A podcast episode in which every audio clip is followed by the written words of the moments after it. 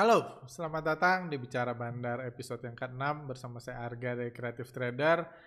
Dalam podcast kali ini saya akan uh, membahas tentang satu materi yang sedang hot uh, dalam uh, yaitu materi tentang cryptocurrency dan mungkin uh, judulnya saham versus cryptocurrency. Saya saya akan memberikan pandangan saya sebagai investor saham tentang cryptocurrency yang saya harap bisa menjadi Uh, apa bisa menjadi masukan buat rekan-rekan yang mungkin tertarik untuk masuk cryptocurrency atau sudah masuk cryptocurrency atau yang dulu pernah rugi besar cryptocurrency memikirkan untuk masuk lagi ke cryptocurrency se uh, seiring dengan uh, kondisinya yang memang sedang hot-hotnya beberapa eh, satu bulan terakhir ini. Seperti itu, saya juga seperti biasa saya akan membahas tentang kondisi market terkini, sedikit tentang kondisi IHSG, update krisis bandar, dan lain-lain. Oke, uh, mari kita mulai.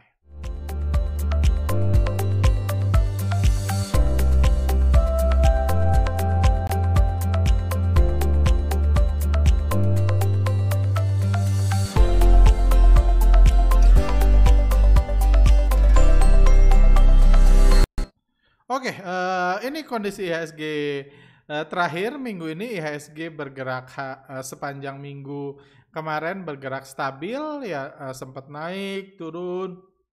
Terus di akhir-akhir perdagangan hari Jumat sempat dikerek naik lagi jadi uh, uh, IHSG masih bergerak positif. Tapi bagi anda yang trading uh, tentunya kita masih ingat kejadian bulan Januari, bulan November lalu, bulan Januari, uh, bulan Desember, uh, November, Desember pertengahan Januari sampai 15 Januari market benar-benar dalam fase euforia, semua saham naik. Tiba-tiba eh, setelah adanya berita krisis bandar, harga saham harga-harga saham langsung jatuh dan pelan-pelan stok market semakin lama semakin bergerak lesu. Ya, bergerak lesu. Uh, popularitasnya pun langsung menurut tajam era-era apa influencer menyuruh orang memasukkan uangnya ke bursa saham pun langsung turun drastis dan lain seperti itu dan uh, uh, kondisi ini juga somehow diikuti oleh investor asing. Kita lihat di awal tahun investor asing cenderung masuk uh, ke IHSG seperti uh, seharusnya ketika asing masuk IHSG terus bergerak naik di sini. Kita lihat terus di sini mulai krisis bandar uh, investor asingnya terlihat ya. Ini karena krisis bandar lokal, investor asingnya nggak ngapa-ngapain. Cuma pelan-pelan asingnya keluar. Bahkan dari mulai tanggal 18 eh, Januari 2021 lalu, awal krisis bandar, eh, awal perdagangan ketika sudah dimulai pemberitaan tentang kasus jiwa, uh, Jiwasraya, Asabri, dan BPJSTK, sampai hari ini kita lihat nggak ada pergerakan berarti dari investor asing. Jadi itu yang menyebabkan uh, bukan hanya saham-saham bandar lokal yang krisis, uh, yang yang nggak banyak bergerak, yang ini juga saham-saham milik bandar asing pun karena memang investor asing terlihat sangat selektif untuk mengumpulkan sahamannya sedikit saham-saham blue chip yang diakumulasi asing dalam periode pasca 18 Januari lalu kayak gitu dan beberapa saham kesayangan uh, saham-saham blue chip terus dijual asing saham-saham terutama saham-saham konsumer yang membuat harga sahamnya turun terus. Uh, seperti itu. Dan sampai minggu ini uh, sampai weekend ini uh, beritanya masih ini. Kalau anda ikut podcast dua minggu terakhir kita sempat bersyukur sampai akhir minggu lalu di mana ya kondisi uh, terlihat setelah seminggu hot uh, dari sampai akhir dari pertengahan sampai awal Januari hot uh, sampai akhir Januari. Hot di bulan Februari ini dua minggu pertama cukup cukup tenang kayak gitu. Cukup tenang cuma seminggu ini hot lagi pemberitaannya. Ini yang sangat kita sayangkan sebagai investor retail karena kita tahu ya ya apalah artinya bursa saham. Kalau bandar-bandarnya ditangkap kayak gitu ya hancurlah bursa saham. Jadi uh, ini ini sesuatu yang sangat kita sayangkan cuma ini pemberitaannya ini ada 50 manajer investasi diperiksa di kasus Asabri. Ini ngeri tentunya 50 manajer investasi. Jadi ada kemungkinan ada banyak manajer investasi yang yang saya lupa saya katakan ini di podcast sebelumnya atau di podcast khusus alumni keterkaitan antar manajer investasi inilah yang bisa berbahaya. Jadi harapan kita kalau kalau Anda yang termasuk berharap IHSG bisa bergairah lagi tentunya nggak ada satupun manajer investasi yang ujungnya jadi tersangka harus mencairkan asetnya harus jatuh seperti kejadian krisis bandar 2019 lalu yang tentunya akan merugikan banyak dari kita karena bursa saham akan jatuh tentunya kalau supirnya di supirnya ditangkepin diperiksa seperti ini. Dan beberapa hari terakhir pun kita tentunya merasakan kondisi market udah nggak enak lagi nih. Tepat ketika berita-berita ini bermunculan lagi kondisi market udah nggak enak lagi saham-saham udah dibanting lagi secara kasar dan lain-lain ya ya itu ya memang sangat berbanding lurus lah kondisi mood dari supir kita tahu uh, saham hanyalah mobil, supirnya adalah bandar, mood dari supir dengan pergerakan mobil tersebut. Mobilnya boleh tetap sama. Mobilnya boleh sama-sama Innova, tapi kalau mood supirnya murka supirnya sedang ini sedang sedang inilah sedang murka ya tentu ya mobilnya bisa disetir secara menakutkan dan kalau anda sadar tentunya uh, di akhir pertengahan minggu ini udah kondisi tersebut ini seiring dengan semakin banyaknya pemberitaan tentang ini. Ada ini juga berita 17 Februari lalu BPJS TK Kejagung periksa bos sekuritas, bos sekuritas. Ini ini juga berita tanggal 20 Februari, jadi kurang lebih empat hari terakhir pemberitaan ini uh, marak lagi berkas lengkap 13 MI kasus Jiwasraya segera disidang. Hal-hal ini yang harapan kita sih bisa segera diselesaikan, dibaik-baik dan ya kejaksaan agung atau siapa pun punya ya ya dikasih inilah dikasih kebijaksanaan untuk menjaga bursa saham kita karena untuk menjaga bursa saham kita ya tentu yang utama yang harus dijaga adalah bandar-bandar yang menggerakkan harga saham. Karena kalau hanya ada kita investor retail ya kita cuma bisa pasrah-pasrah aja. Kan dibanting pasrah diterbangin pasrah kita nggak punya kendali terhadap pergerakan harga saham. Seperti itu. Ini salah satu perbandingan data yang bisa Anda lihat. Uh, uh, perbandingan transaksi rata-rata transaksi di IHSG ini di bulan November transaksinya 11,9 triliun rata-rata harian. Di bulan Desember semakin meningkat seiring dengan semakin meningkatnya program yuk goreng saham, influencer suruh masukin duitnya ke bursa saham, duit followernya ke duit bursa saham, transaksinya 16 triliun jadi meningkat. Ini frekuensi 1,9 juta, 2,7 juta. Ini frekuensinya di bulan Desember di bulan Januari, 2 Januari before krisis bandar, tanggal 1 sampai tanggal 15 Januari, kembali memuncak rata-rata transaksi 20 triliun seharinya. Dan tiba-tiba langsung jatuh after krisis bandar, jadi 18 triliun. Dan uh, bulan Februari tanggal 1 sampai 15 Februari, 10 hari perdagangan tinggal 14 triliun. Jadi inilah realita yang kita dapat ketika supirnya ini uh, tentunya ter, terdampaknya supir itu juga ter, uh, uh, terdamp, uh, akan berdampak pada uh, mungkin minimnya endorsement. Karena endorsement kan yang sering kali yang bayar yang punya produk bandarnya atau pemilik produknya. Kita anda tentunya dengar dalam seminggu dua minggu terakhir itu udah udah minim banget. Mologi mologian itu udah minim banget. Para influencer para artis nyuruh yuk masukin duitnya ke bursa saham yuk. Itu udah minim banget. Karena ya ya artis itu tentunya kan ya ngapain juga dia uh, misalnya mengorbankan followernya kalau nggak ada yang endorse mereka atau ngapain juga mereka nyuruh orang masukin ke bursa saham kalau nggak ada yang endorse jadi itu pun kita kerasa banget perubahannya pasca krisis bandar. Jadi semua ini terjadi benar-benar uh, apa ya suddenly banget. 15 uh, uh, ini 15 sampai 15 Januari masih hot-hotnya tiba-tiba ketika keluar krisis BPJS TK dan lain-lain dan lain-lain. Hari Senin 18 Februari itu udah auto reject bawah semua. Udah auto reject bawah semua saham-saham kesayangan retail dan kita tahu auto rejectnya berjilid-jilid dan uh, ya dan terus sampai sekarang pun IHSG masih bergerak lesu gitu. Jadi itulah kondisi update terkini kayak gitu.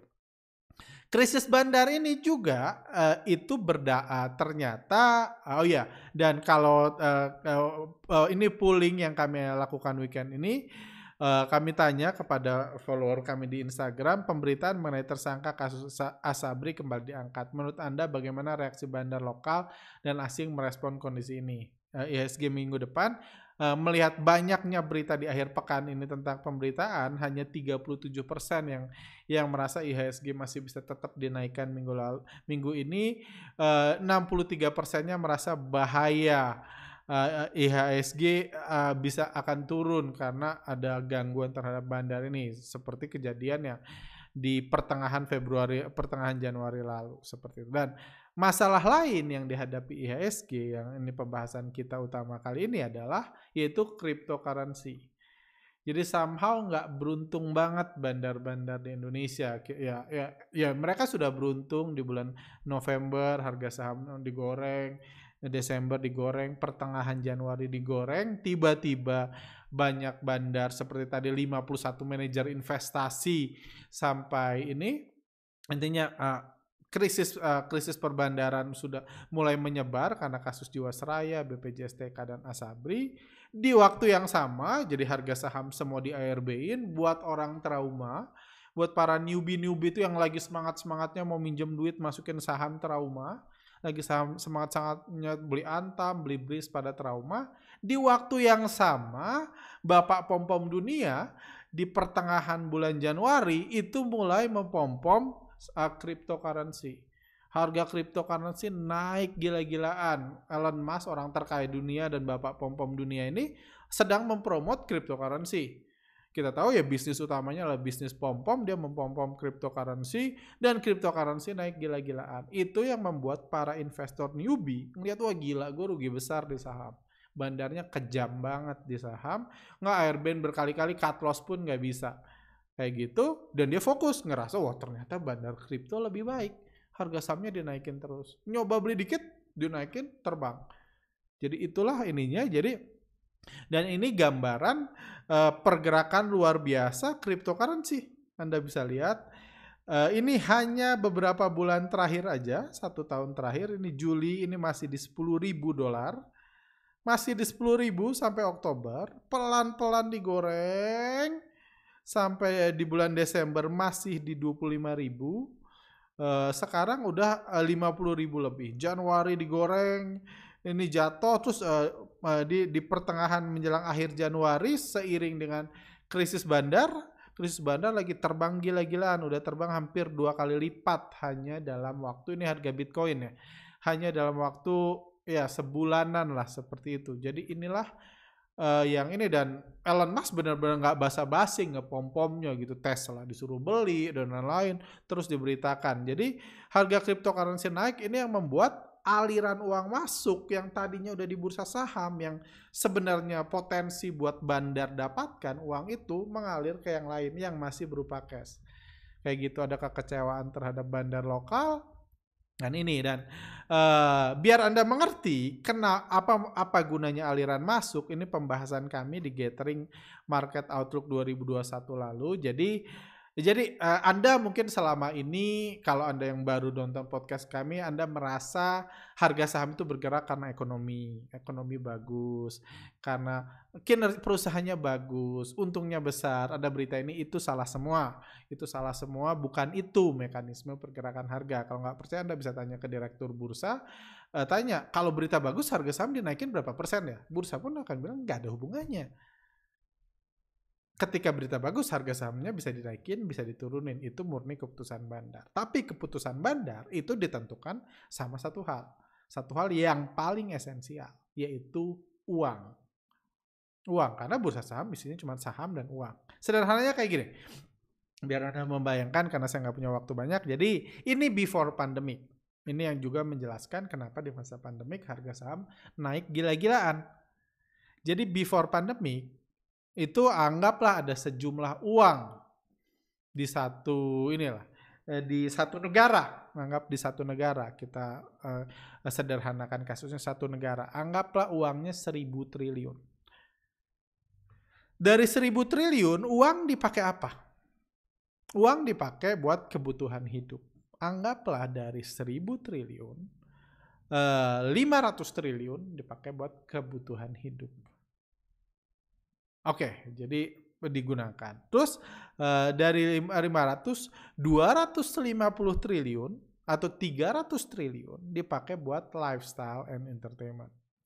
Beli mobil baru, beli baju baru, jalan-jalan, segala macam, beli HP baru dan lain-lainnya. Anda ya tahu lah. Jadi uang dari 1000 triliun di satu negara, 500 buat kebutuhan hidup, 300 buat lifestyle entertainment, 200-nya buat apa? Buat investasi. Investasi dan ditabung. Anggaplah investasi aja. Eh, investasi 200 triliunnya. Investasi itu sebelum pandemik ada sektorial. Sektorial itu ngebesarin toko, uh, ngebesarin toko lah, apa lain-lain lah, buat tempat wisata, buat hotel, buat resto, buat lain-lain, itu investasi di sektorial.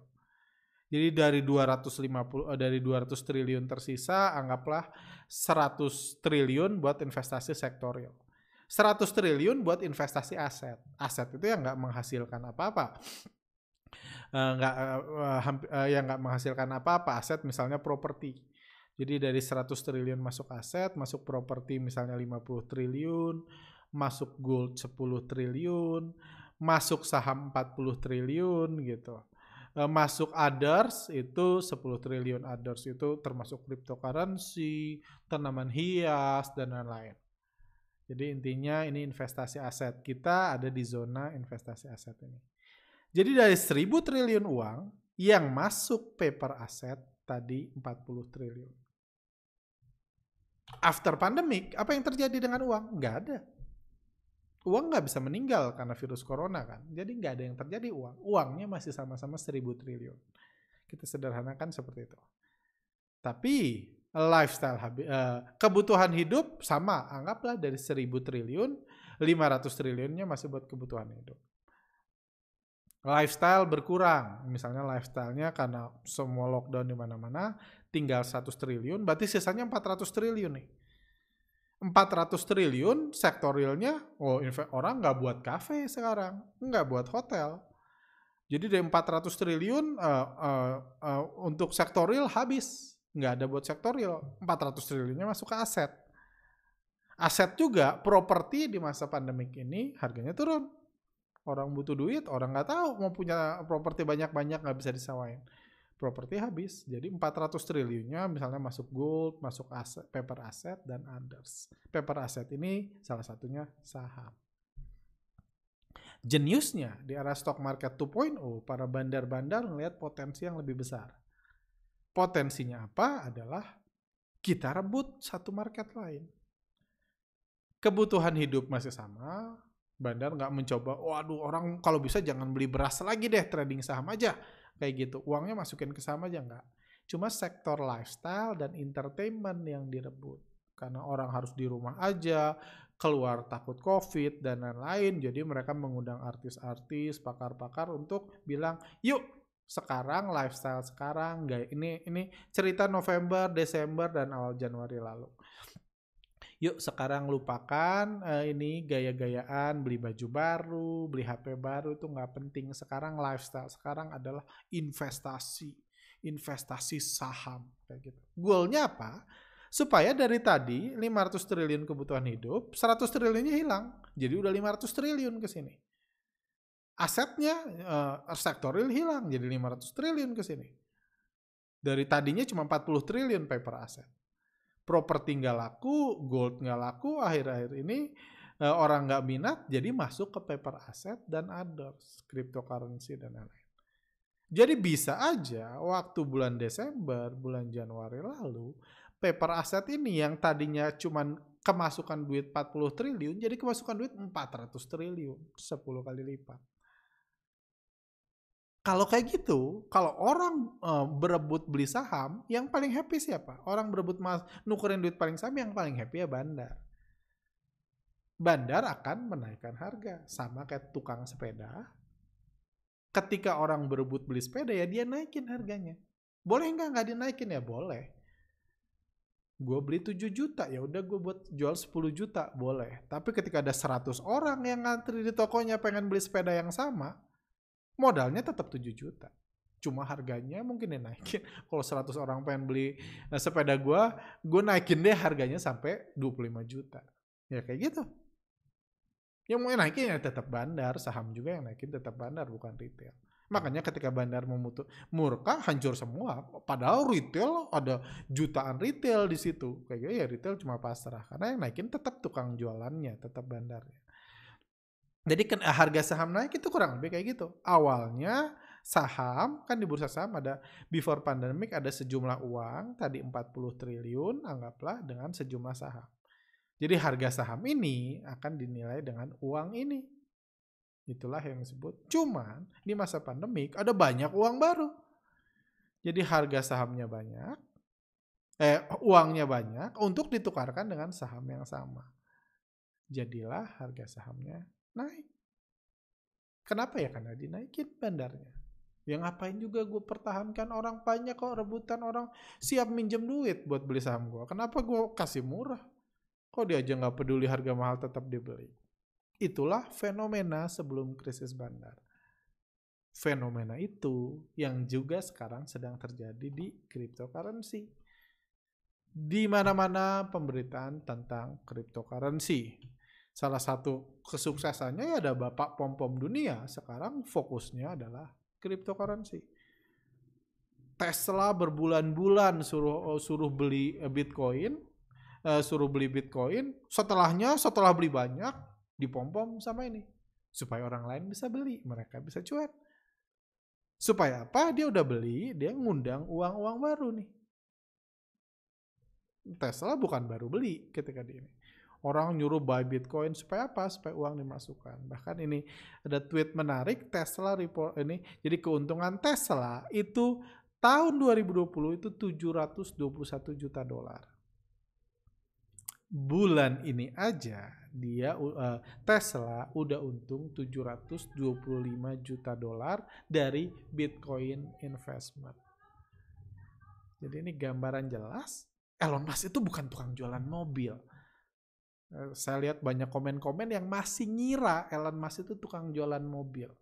Mobil listrik lah dan Elon Musk itu bapak pom-pom dunia. Itu yang buat dia kaya. Kebetulan dia jual mobil nggak apa-apa. Tapi dia kaya karena ngepom-pom sama Tesla sekarang ngepom-pom Bitcoin. Bahkan Bitcoinnya sekarang dimasukin ke Tesla. Jadi ke depan Tesla bisa di stop jualan mobilnya ngapain repot. Jualan mobil itu mendingan jualan mimpi, jualan pom-pom. Untungnya udah lebih besar. Ngapain lagi gitu. Dia bisa tutup. Uh, jadi artinya apa? Dengan untung segini kalau dia udah jual semua, udah nggak usah jualan mobil, stop aja mobilnya. Udah untung nggak usah capek-capek jualan mobil listrik bisa error harus di upgrade dan lain-lain itu era lama banget sekarang bukan era seperti itu dan itulah uh, uh, hype itu artinya apa karena kan orang pengen masukin duit ke uh, sekarang berlomba-lomba untuk masukin beli bitcoin sementara bitcoinnya jumlahnya sama. Elon Musk ngepom-pom dan oh dan kalau anda lihat di forum-forum saham ini salah satu yang lucu. Uh, ini ketika investor mulai merambah ke dunia kripto bahkan ini satu uh, satu jam di cryptocurrency sama dengan uh, disuruh sabar tujuh tahun pakai value investing. Kita tahu memang value investing memang sedih banget nasibnya beberapa tahun terakhir. Eh beberapa ya beberapa bulan terakhir lah semasa pandemik ini. Kayak gitu. Nah, jadi kita lihat harga Bitcoin pun naik secara luar biasa karena pom-pom tadi. Cuma dan menariknya beberapa ini lalu, uh, ya minggu lalu saya buat pembahasan tentang cryptocurrency. Uh, buat voting di Telegram kami ini 5.100 orang yang uh, yang pooling. Saya tanya berapa dari rekan-rekan yang dalam dua bulan terakhir mulai mencoba trading cryptocurrency. Anda tahu, saya fokus di saham. Kreatif trader fokus di saham. Saya percaya follower kami pun adalah trader-trader saham atau investor saham. Ini saya nggak lagi nanya di forum cryptocurrency ini, di forum saham. Dari 5.000 orang, yang paling banyak mengisi adalah 37 persennya mengatakan saya tidak tertarik trading kripto. Mungkin Anda bisa mikir, Eh, lima ribunya ter, uh, mengatakan saya tidak tertarik trading kripto. Oh berarti masih aman dong bursa saham. Enggak gitu cara lihatnya. 37 uh, persen memang pak mayoritas tidak tertarik. Tapi ada data lain. Artinya kalau 37 tidak tertarik, berarti mayoritas tertarik kan. 29 persennya mengatakan belum trading, tapi tertarik mencoba. Kalau krisis bandar ini berkepanjangan, bursa saham nggak bisa digoreng lagi seperti Desember atau November lalu, atau awal Januari lalu. Uh, kalau ini ini, maka 29% bisa pindah ke kripto. 29% dari 5.000 ini. 29% dari investor uangnya bisa dibeliin kripto. Dari 5.000 ini hanya 11% yang udah trading sebelum 2021, sebelum krisis bandar. 2021 cuma 11%. Artinya tadinya 89% itu belum trading. 23 persennya udah masuk trading. Jadi ini ancaman buat bursa saham, buat buat bandar-bandar di Indonesia. Karena udah 23% persen keluar, ya mencoba dan tentunya kalau dia mencoba dua-dua dia ngerasa oh, sahamnya ini nggak digoreng-goreng nih. Aduh, saya beli saham busuk semua kok naiknya pelan-pelan. Sementara kripto harganya digoreng-goreng. Harganya naik terus. Wah lebih baikkan bandar kripto ternyata. Pindahlah semakin lama semakin banyak yang pindah. Itu bahaya. Karena artinya apa? Karena artinya uangnya tadinya bertambah jadi berkurang lagi kan? Uang yang dipakai merebutkan saham jadi berkurang lagi otomatis harga sahamnya pun enggak enggak susah dinaikin sama bandar. Kalau kalau dinaikin nanti nggak ada yang beli. Seperti itu. Terus apa itu ini? Jadi ma eh, terus terus gimana pandangan saya tentang kripto? Apakah kripto itu layak dibeli enggak dan lain-lain? Ini ada pertanyaan. Boleh minta pandangan bang Arga tentang kripto bitcoin doge dan lain-lain Eh, dengar-dengar dari teman saya profitnya lebih gede dari saham. Apakah kripto juga harganya digerakkan oleh bandar? Bang Harga trading kripto juga atau enggak kayak gitu. Jadi ini salah satu gambar yang uh, mencerminkan tentang cryptocurrency itu uh, uh, faith based asset, aset yang yang ini berdasarkan keyakinan atau iman. Jadi intinya cuma keyakinan cryptocurrency itu. Jadi, uh, jadi apa yang menyebabkan cryptocurrency naik kurang lebih sama dengan saham.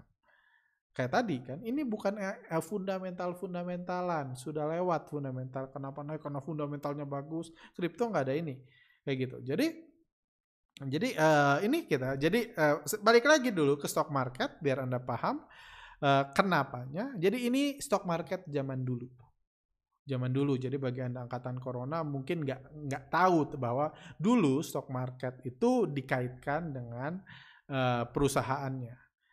Jadi dulu orang diajarkan kalau perusahaannya bagus, labanya bagus, perusahaannya bertumbuh, nanti bandar akan naikin harga sahamnya.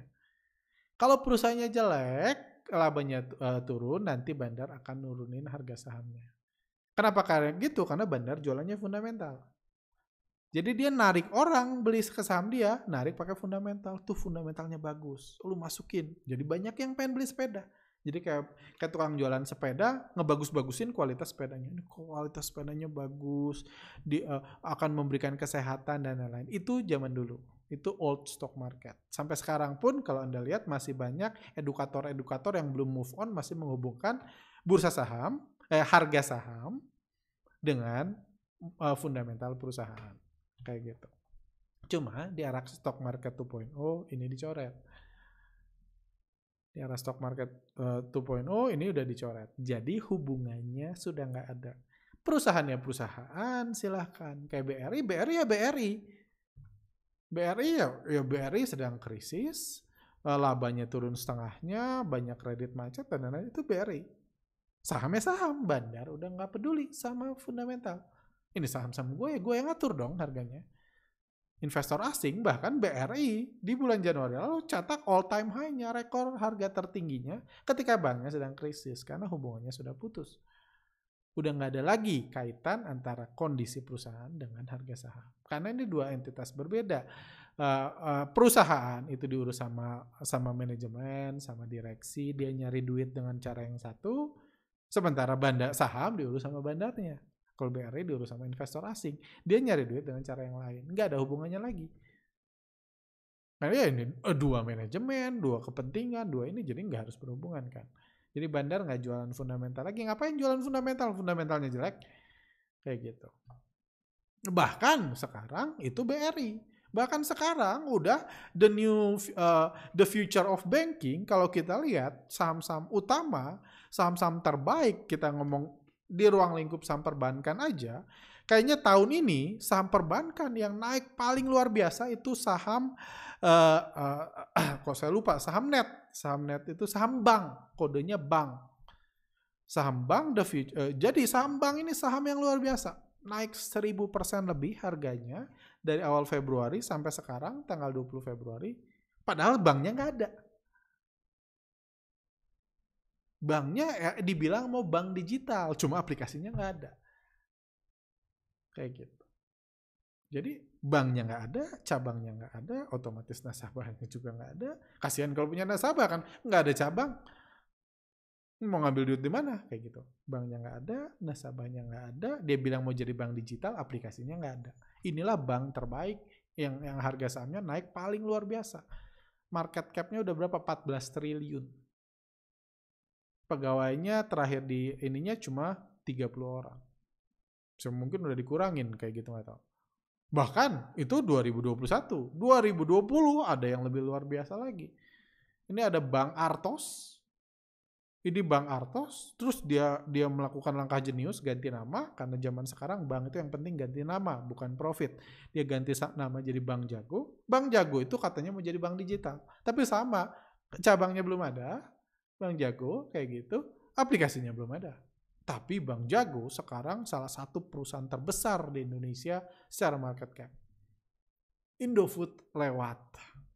Udah masuk 20 besar atau mungkin 15 besar. Harga sahamnya terus digoreng dan tentunya uh, dan uh, uh, Bang Jago itu membuat Bapak Jerry NG ini Jerry NG ini untung sampai 34 triliun.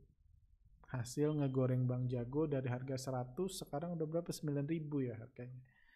Kayak gitu. Banknya nggak ada. Kayak gitu. Jadi itulah era stock market 2.0. Ya banknya ada cuma nggak beroperasi banknya ada namanya ada kan belum nggak di Indonesia belum boleh kita perusahaannya nggak ada sahamnya diterbitkan itu belum boleh jadi at least harus ada namanya kayak gitu kayak gitu itulah era stock market 2.0 di mana nggak ada hubungan jadi karena nggak ada hubungan tentunya nggak ini udah nggak penting lagi ininya nggak jualan nggak punya aplikasi nggak apa-apa ininya bisa terus digoreng seperti ini dua saham terbaik saham perbankan. Ini saham terbaik 2020 lalu ketika krisis saham yang naik ribuan persen. Ini saham perbankan terbaik 2021. Bank Net itu seperti itu. Dan cryptocurrency punya konsep yang lebih keren lagi. Kayak gitu adalah tadi kan kalau stock market adalah nggak ada hubungan kalau cryptocurrency, kalau kita terjemahkan ke banknya nggak ada. Jadi yang ada cuman ini. Banknya udah nggak ada. Jadi ada hubungannya nggak ada, nggak ada banknya. Yang ada cuman cryptocurrency, yang ada cuma harga. Harga itu yang seru kan. Jadi saya ngasih harga nih. Hari ini 10 juta, besok 11 juta, besok 10 juta 500, besok 13 juta, besok 14 juta. Jadi ada deg-degan. Ini besok naik turun, besok naik turun. Anda nebak-nebak kan. Gimana prospeknya? Jualan apa? Enggak, enggak jualan apa-apa. Cuma ngasih harga doang. Kayak gitu. Besok 17 juta. Besok 18 juta. Anda deg-degan. Anda yang udah beli 11 juta kan deg-degan. Masih naik lagi enggak ke 15 juta?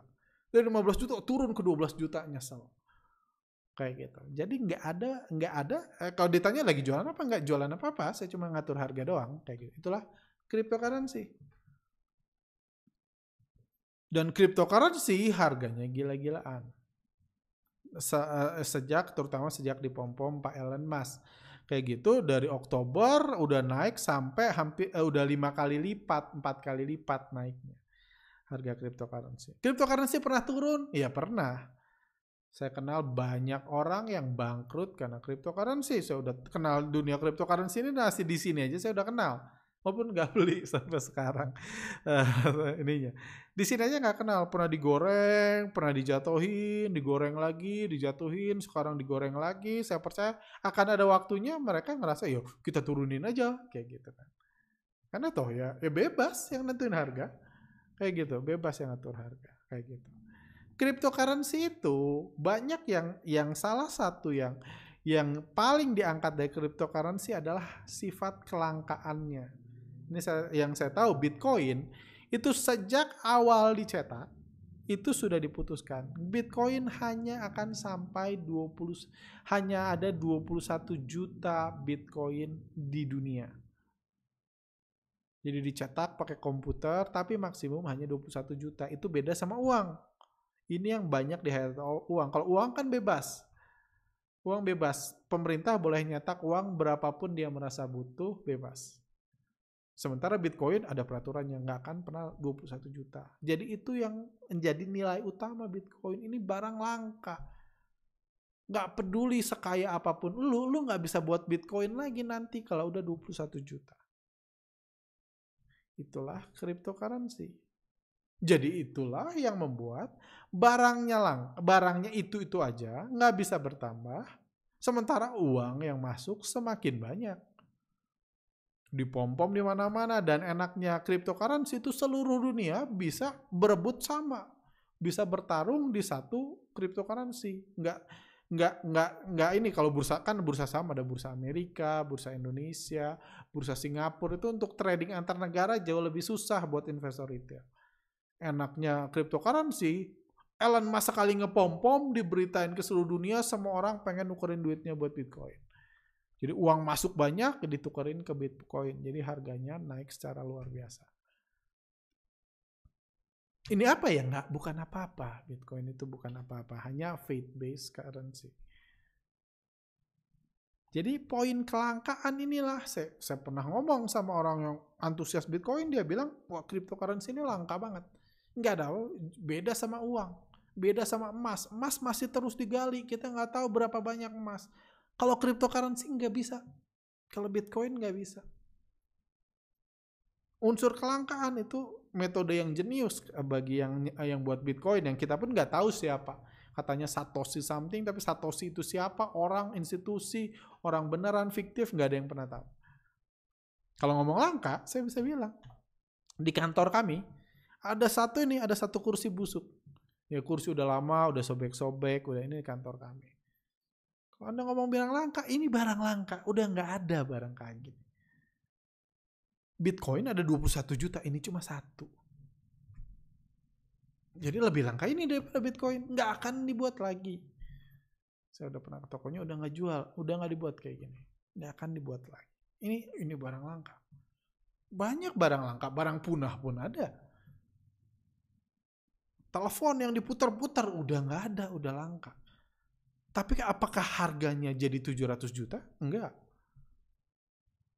Apakah harganya naik 500% di 2021 ini? Enggak juga. Banyak barang punah, barang langka, barang busuk, barang rongsokan, banyak. Kayak gitu. Harganya nggak naik. Kenapa? Karena nggak ada yang goreng.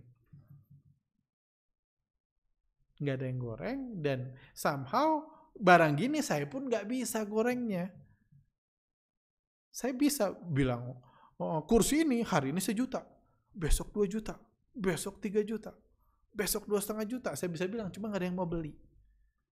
Karena mimpinya nggak terjual dengan baik. Mungkin kalau Pak Elon Musk ngepom-pom ini, kursi ini bisa laku 700 juta mungkin. Cuma kalau saya ngepom-pom nggak bisa kayak gitu. Jadi kelangkaan sebenarnya nggak harus berbanding lurus dengan harga. Yang berbanding yang berbanding lurus dengan harga adalah harga adalah pom-pom membuat orang yakin, membuat orang ngerasa bisa cepat kaya, itu yang bisa membuat harga naik. Bukan barangnya. Barangnya gini-gini aja, nggak berubah apa-apa. Ini barang ini ya semakin lama semakin busuk, gitu aja. Kayak gitu. Bitcoin udah 21 juta, ini ada satu banyak barang langka nggak ada harganya karena nggak ada yang ngepom-pom nggak ada yang goreng dan istilahnya mimpinya nggak bisa dijual dengan baik. Bitcoin kan faith based currency jadi orang jadi itulah yang disebut faith based asset itulah Bitcoin.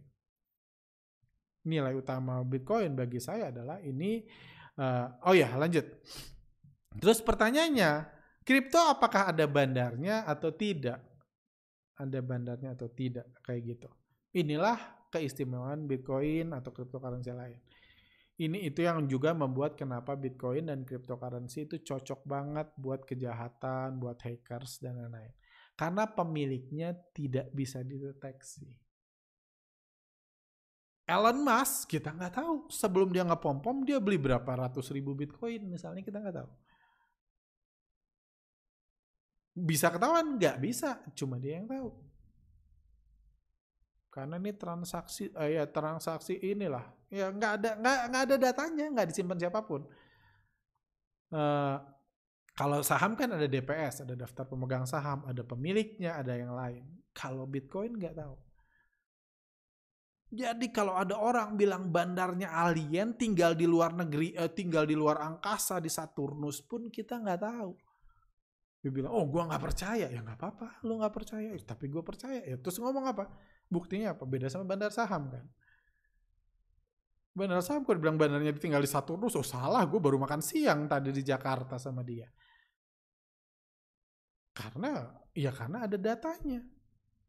Anda bisa tanya ke ini, misalnya tanya ke BEI, ada nggak nih di daftar pemegang saham pernah nggak misalnya RUPS didatangin alien gitu di luar angkasa belum pernah jadi kita bisa meyakinkan pemegang saham itu manusia. Kalau ini dibilang alien ya, ya mau percaya mau enggak terserah, tapi nggak ada yang bisa meyakinkan, membuktikan. Nggak ada rapat umum pemegang Bitcoin kan? Nggak ada.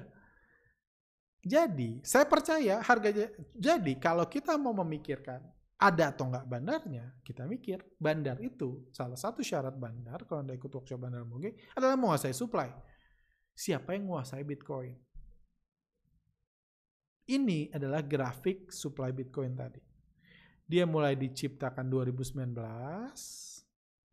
kayak gitu. 2014 sampai 2017 harga sahamnya belum digoreng. Tapi dalam periode itu udah ada 15-16 juta Bitcoin yang dicetak. Jadi artinya penguasa supply Bitcoin itu udah dikuasai sama orang-orang tertentu yang punya 15 juta Bitcoin. Udah itu di masa dari 2000 uh, eh, ini di masa 2016 mulai digoreng 2017 di sini sampai di sini ini per, perkembangan harganya. Naik dari bisa dibilang nggak ada harganya sampai sekarang harganya 700 juta. Seperti itu saya hilangkan dulu ini ya. Uh, dari nggak ada harganya sampai 700 juta harganya. Itulah uh, uh, grafik Bitcoin. Grafik bit grafik Bitcoin seperti itu jadi uh, artinya apa? Artinya yang ngebandarin adalah yang nguasain supply ini. Ketika kita belum rebutan, sekarang kita tolol-tololan di sini oper-operan sambil berharap berdoa supaya harganya terus dinaikin, kita di sini. Yang dicetak di sini dari mulai digoreng dari ini hampir nggak ada harganya sampai sekarang itu cuma 3 jutaan, 4 2 jutaan yang udah dicetak. Dalam periode ini yang dicetak 15 juta. Jadi ketika digoreng kayak gini, yang yang menguasai supply ketika Bitcoin belum dipom-pom lah, itulah yang bisa ngebandarin. Itulah yang paling kaya. Siapa mereka? Nggak tahu. Cuma dibilang penciptanya Satoshi something, nggak seorang pun tahu Satoshi itu siapa. Saya lupa ya, nggak seorang pun tahu karena memang itu cuma nama aja. Itulah menariknya Bitcoin. Harga sahamnya di ini jadi jadi uh, saya percaya akan dibandarin karena saya percaya ada yang menguasai supply Bitcoin. Ada yang ya, kalau ada yang ngeguyur satu juta satu juta Bitcoin diguyur hancur Bitcoin. Uang kita semua diserap sama yang punya satu juta itu. Kalau dia mau ngeguyur kayak gitu, kapan? Ya mau mau dia. Dia sekarang pakai uang dia bisa pakai goreng aja sama seperti kejadian bulan Oktober, November, Desember di bursa saham. Apalagi sekarang zaman lifestyle. Dan kalau kita belajar, Bitcoin berkali-kali kok dibanting. Ini dibanting turun sampai banyak yang bangkrut kayak gitu. Nah, sebentar. Nah, berkali-kali Bitcoin dibanting harganya jadi bukan bukan uh, bukan sekali ini aja harga Bitcoin ini uh, Bitcoin dan biasanya kalau belajar ketika orang mulai mulai euforia kayak sekarang mulai bilang Bitcoin beli Bitcoin biasanya bentar lagi dibanting kalau kita belajar kemarin-kemarin seperti itu. Terus pertanyaannya terakhir adalah, beli nggak Bitcoin? Saya nggak bisa jawab buat semua. Saya, goal saya di podcast ini adalah menjelaskan apa itu Bitcoin. Yang bukan apa-apa, ya hanya harga yang naik turun kayak gitu dan kenapa bergerak kenapa harganya naik kenapa dipompom ya pertama karena dipompom semua karena seluruh dunia sekarang berlomba-lomba nukerin duitnya sama bitcoin jadi orang rebutan ngincer bitcoin kayak gitu karena iman tadi keyakinan bahwa Bitcoin langka dan orang keyakinan harga sahamnya eh, harga Bitcoinnya dan kripto lainnya ya saya akan terus dikerek naik. Cuman saya sampai detik ini nggak trading Bitcoin, nggak pernah beli Bitcoin. Nyesel ya nggak sih gitu. Saya tahu Bitcoin dari harga 7 juta saya udah tahu udah bisa beli pada saat itu. 7 atau 20 juta saya lupa lah. Cuman dari harga sangat murah saya udah bisa beli saya beli waktu itu saya ingat saya beli 50 Bitcoin aja bisa pada saat itu. Kayak gitu sekarang nggak bisa beli 50 Bitcoin nggak punya deh. Uh, kayak gitu. Uh, coba uh, uh, ini uh, pemilik uh, itu uh, cuman kenapa saya nggak tra uh, trading Bitcoin karena pemilik dan bandarnya tidak bisa dilacak. Jadi misalnya kenapa saya saya tertarik saham Arto ini karena saya tahu gitu misalnya pemiliknya pengen meningkatkan aset.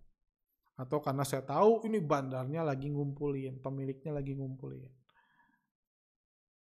Atau misalnya kenapa saya tertarik saham bank? Karena ini perusahaannya nggak ada. Jadi pasti cari duitnya di bursa saham. Jadi harus digoreng. Jadi ada kepentingan yang saya ketahui. Ada saham yang saya ketahui. Ada supply-nya di mana yang bisa saya analisa. Itulah alasan saya trading saham. Kalau enggak, sementara Bitcoin nggak ada.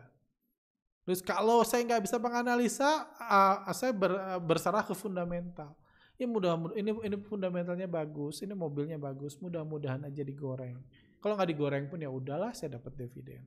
Cuma Bitcoin nggak ada perusahaannya. Nggak akan ada pernah dapat dividen dari Bitcoin. Kayak gitu. Jadi semuanya ini diserahkan pada keyakinan masing-masing. Jadi bagi yang baru beli akan yakin harganya akan terus bullish, terus naik. Sementara bagi yang baru jualan, Nah, uh, pasti udah anggap Bitcoin sekarang kemahalan bakal jatuh. Atau mau-mau yang ngepom-pom. Yang ngepom-pom bukan saya. Kayak gitu kan. Yang ini jadi saya itu alasan kenapa saya nggak beli Bitcoin. Kalau Anda mau silahkan. Uh, tentunya itu hak Anda, uang Anda. Mudah-mudahan penjelasan saya membantu ini. Satu hal lagi mungkin yang saya ini kan yang saya pelajari adalah Eh, melihat peluang secara keseluruhan. Ini yang sering saya ajarin. Banyak orang itu melihat peluang hanya dari keuntungan, hanya dari contoh kisah sukses.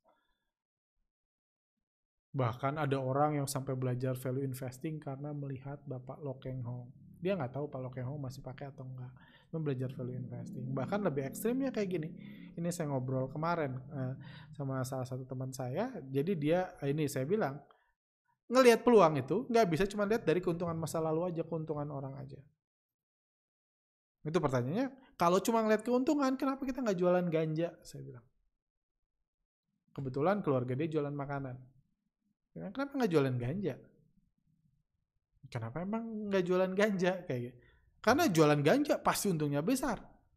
Kalau kalau cuma pertimbangan semua hanya dari keuntungan, kenapa kita nggak jualan ganja, jualan narkoba dan lain untungnya besar, marginnya besar. Kalau cuma di situ dilihatnya. Kita semua, mayoritas dari kita biasa langsung tahu kenapa nggak jualan ganja.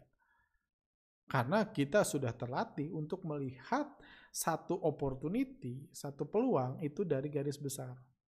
Kenapa nggak jualan ganja? Biasa orang bilang takut ditangkap polisi. Ada risiko kan? Kalau ngelihat dari cuma uh, return mungkin, mungkin paling besar jualan ganja daripada jualan makanan. Cuma ada risiko ditangkap polisi. Ada keyakinan atau nilai-nilai uh, yang selama ini dipegang. Aduh ganja, saya bukan orang kayak gitu, saya bukan orang hitam, orang dunia kayak gitu. Saya nggak mau ngerusak hidup orang lain dan lain jadi nggak mau jualan ganja ada nilai-nilai yang semua orang bisa beda. Dan uh, uh, juga orang menganggap tenang aja, percaya aja. Kalau Anda baik-baik aja, bisnis yang bersih-bersih aja segala macam dalam jangka panjang percaya dalam jangka panjang ada banyak cara mencari uang lebih aman dan lebih menghasilkan daripada jualan ganja. Itu sebabnya mayoritas orang nggak jualan ganja. Karena punya understanding itu. Poin uh, prinsipnya apa yang bisa Anda ambil adalah jangan melihat semua dari keuntungan. Hanya karena harga Bitcoin naik lima kali lipat, kayak gitu dalam beberapa empat kali lipat beberapa bulan, Anda jangan bilang, wah karena untung berarti pasti lima kali lipat lagi. Itu murni keputusan bandarnya. Kalau mereka tiba-tiba, wah gue ambil dulu duitnya, hancurin, nanti beli lagi. Bisa hancur. Kita hanya bisa berharap. Jadi kita, jadi artinya apa? Anda cari dulu, pelajari dulu resikonya. Anda tahu resikonya bisa jatuh kapan aja, bisa terbang kapan aja juga. Itu murni keinginan bandar, dan bandarnya nggak bisa deteksi. Itu resiko yang saya nggak bisa terima kalau bisa tahu saya bisa tahu siapa yang beli siapa yang jual bisa saya analisa mungkin saya udah lama trading kripto nah karena itu nggak bisa saya nggak tahu uh, keyak, uh, keyakinan dan nilai-nilai yang dipegang saya nggak punya kepercayaan ke orang-orang itu ini barang langka harga sahamnya harus naik kursi busuk saya aja langka nggak naik-naik harganya malah bisa dibuang. Kayak gitu. Jadi saya punya keyakinan. Anda bisa tanya lagi ke diri Anda Anda punya keyakinan yang sama atau enggak? Dan saya percaya dalam jangka panjang ada cara banyak cara mencari uang. Dan satu lagi mungkin yang saya ini adalah saya lebih percaya prinsip tentang adapt, beradaptasi, waiting, menunggu, atau nyari opportunity. Opportunity untuk menghasilkan keuntungan, menghasilkan uang, dan lain-lain. Jadi beradaptasi, kalau ada yang berubah, saya berubah. Atau saya nunggu ada peluang yang baik.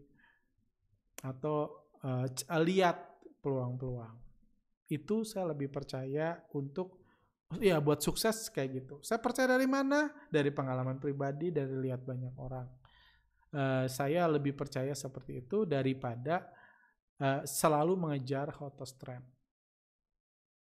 Saya kenal orang yang sukses kaya raya bisnis perhotelan, saya kenal orang yang kaya raya bisnis makanan, saya orang yang kenal yang kaya raya bisnis mobil dan lain-lain.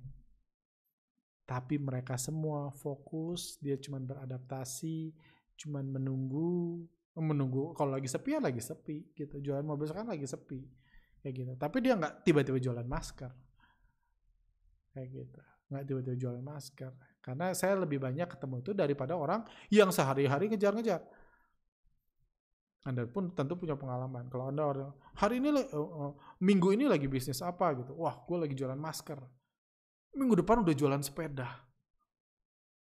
Minggu depan lagi udah jual tanaman hias. Minggu depannya lagi udah jual uh, udah trading saham. Minggu depan lagi udah Bitcoin. Minggu depan udah doge, udah pindah-pindah. Saya lebih banyak ketemu orang yang uh, sukses dalam beradaptasi, waiting dan looking for the opportunity daripada yang selalu ngejar-ngejar tren ini. Yang paling cuan apa sekarang? Yang paling cuan apa sekarang? seperti itu. Itu sih pemahaman saya. Mungkin berguna buat Anda, kalau nggak pun nggak apa-apa. Jadi saya pribadi sekarang sudah tahu saya nggak bisa melakukan banyak hal dalam krisis bandar ini. Uh, cuma ya saya lu saya saya beradaptasi ngelihat kurang lebih pergerakan krisis bandar. Saya waiting, nunggu mudah-mudahan kalau jatuh saya cari ini saham-saham krisis bandar yang bisa saya ambil. Atau nyari-nyari peluang-peluang saham-saham yang yang dalam krisis bandar ini masih menarik atau nggak terkena krisis, saya fokus beli itu. Itu yang saya lakukan. Jadi nggak nggak sekedar pindah karena saya tahu saya nggak punya apa-apa, nggak tahu apa-apa untuk bisnis Bitcoin. Kurang lebih seperti itu pandangan saya tentang Bitcoin. Semoga rekan-rekan bisa belajar something dari podcast ini. Kalau memang ternyata saya pribadi seperti saya bilang saya nggak tahu bisnis Bitcoin. Kalau ada yang pengetahuan saya yang salah, prinsip saya yang salah, terutama tentang Bitcoin, silahkan tulis di kolom komentar. Kalau Anda punya pertanyaan bisa bertanya dan ya harapan saya penjelasan ini bisa membantu Anda. Apakah Anda mau pindah ke kripto yang seperti yang sekarang lagi menguntungkan? Yang at least sebulan terakhir jauh lebih menguntungkan dari saham atau mau stay kayak saya beradaptasi, waiting dan nyari peluang. Uang Anda, keputusan Anda, jadi Anda pertimbangkan dengan sebaik mungkin. Thank you, see you next time.